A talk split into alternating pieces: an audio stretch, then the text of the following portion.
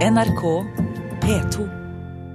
Edgar Feuchtwanger er britisk historiker, men ble født i München, hvor han bodde til 1939, da han var 15 år gammel. Det tok mange år før han fortalte om barndommen sin, der han vokste opp i huset overfor bygården der Hitler bodde i annen etasje. Og nå kommer boken på norsk, 'Hitler, min nabo'. Så hvorfor vil han fortelle? Edgar Feuchtwanger, welcome.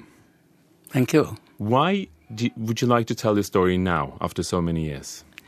Well, it seems to me that in Europe now you've got a situation which is not uh, unsimilar to the one you had, uh, well, now nearly 80 years ago that brought Hitler to power. You've got tensions between the nations, you've got economic crisis, you've got unemployment. It could easily be that these things will get into the play into the hands of a demagogue, and I think my book shows how it did play into the hands of Hitler and what catastrophic consequences that I had. And uh, I think my book is perhaps a little bit of a warning about that. Yeah. Boken hans er altså en slags advarsel, for det er mange situasjoner som minner om i Europa nå, det Europa som han opplevde på 30-tallet med økonomisk krise og arbeidsløshet. Og kommer det en demagog til orde, så kan han forføre på samme måten som Hitler gjorde, som han så første gangen som et lite barn. Når? When did you first see Adolf Hitler yourself? I think I first saw him in 1933 when he just become chancellor. And I knew, of course, he was living there opposite us. And I was being taken for a walk by my nanny past his door.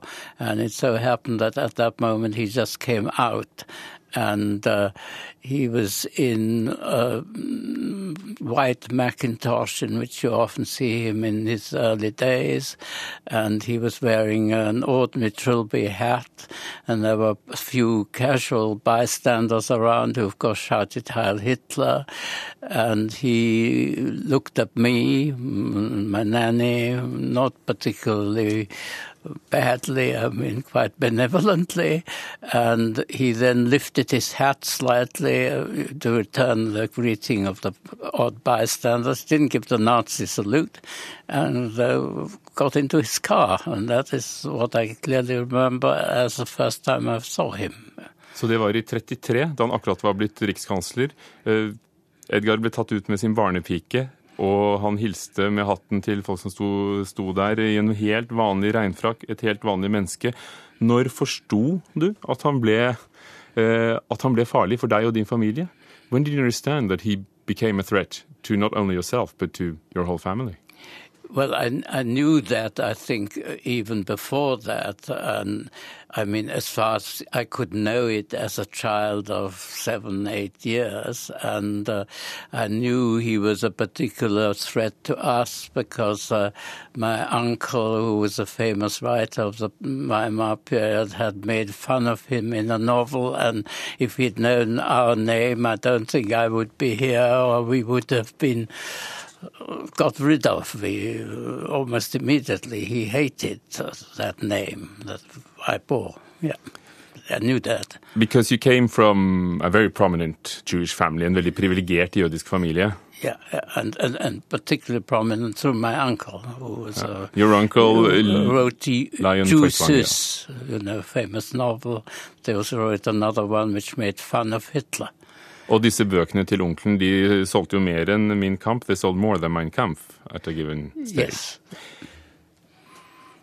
Did you feel Jewish?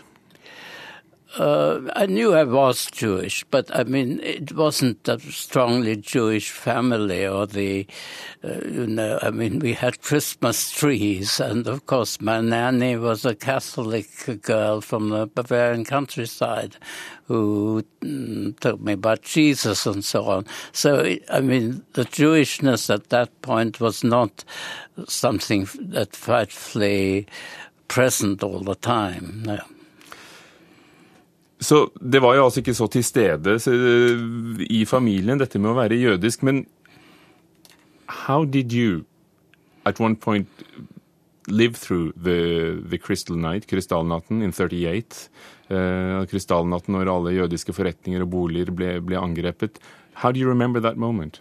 That I remember very well because that, of course, was in many ways the moment when we realized, or my parents realized, that we were in a life-threatening situation because uh, people came to the door, arrested my father, took him away to Dachau, the concentration camp. They came with big packing cases and confiscated his library, which was quite an important library with some fine books in it. And uh, there we were suddenly were totally powerless and uh, uh, uh, you know, not knowing what uh, had happened to my father, whether he would possibly survive or anything. And it was a very dire situation. Så faren ble tatt til Dachau, men kom tilbake. He came back, actually, your father. He did come back. Um, I think that was kind of miracle because he was not a particularly well man. And of course, if they had discovered that he, his brother was also in, a, a younger brother, that they were the brothers of Lion Feuchtwanger, they would have been dead on the spot. But they weren't that well organized. They didn't discover that. so, so gode var de. Yeah, yeah. Edgar Feuchtwanger, telling this through a child's eye, telling the big story through a little boy yourself. Yes. As an historian, what kind of perspective does it give on what has happened? Or what kind of perspective do you give on what has happened? Well, what, what I always find uh, uh, almost difficult about relating is it, in some ways, I saw Hitler, I saw uh, his photographer was the employer of Eva Braun, of course, about whom I knew nothing. They were all people, in some way ordinary people. And of course, Hitler himself was the most, uh, he now looks like a sort of bad mist that's come down from Mars. But it, he was just a, human being, but uh, one can see from, one doesn't want to make him look normal or want to make him look good or anything, but one has to realize that's what he was, and he was able to turn the world, world upside down. En helt vanlig mann som kunne snu verden på hodet, slik uh, du så ham som barn. Hvem skriver du for? Who do you write for?